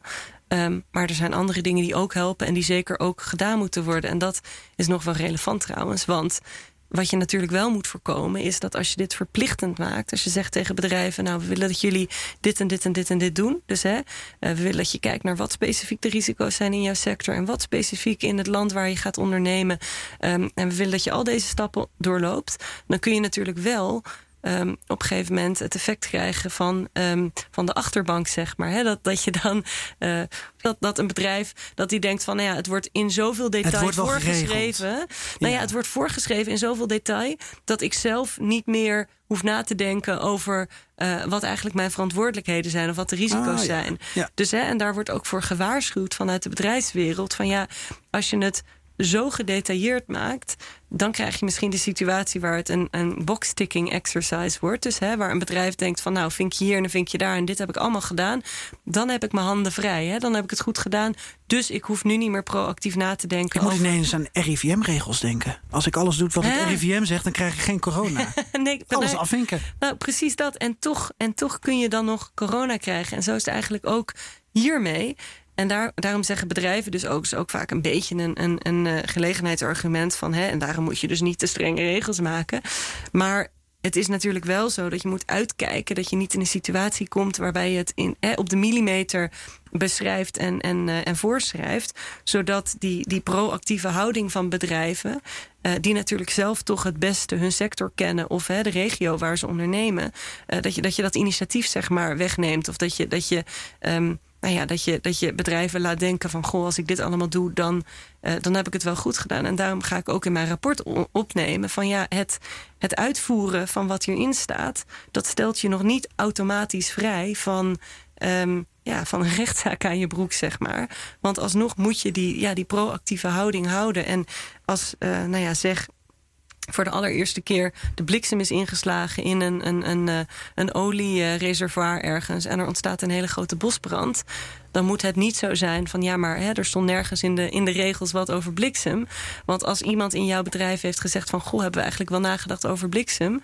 Of hè, eh, als je weet dat er in een gebied veel bliksem voorkomt, ja, dan moet je je daar niet achter kunnen verschuilen. Dus dat wordt, uh, dat wordt nog een. Um, nou ja, nog een proces om daar goed de balans in te vinden. Maar, um, maar wel belangrijk dus om te benoemen dat het je niet automatisch vrij zal stellen.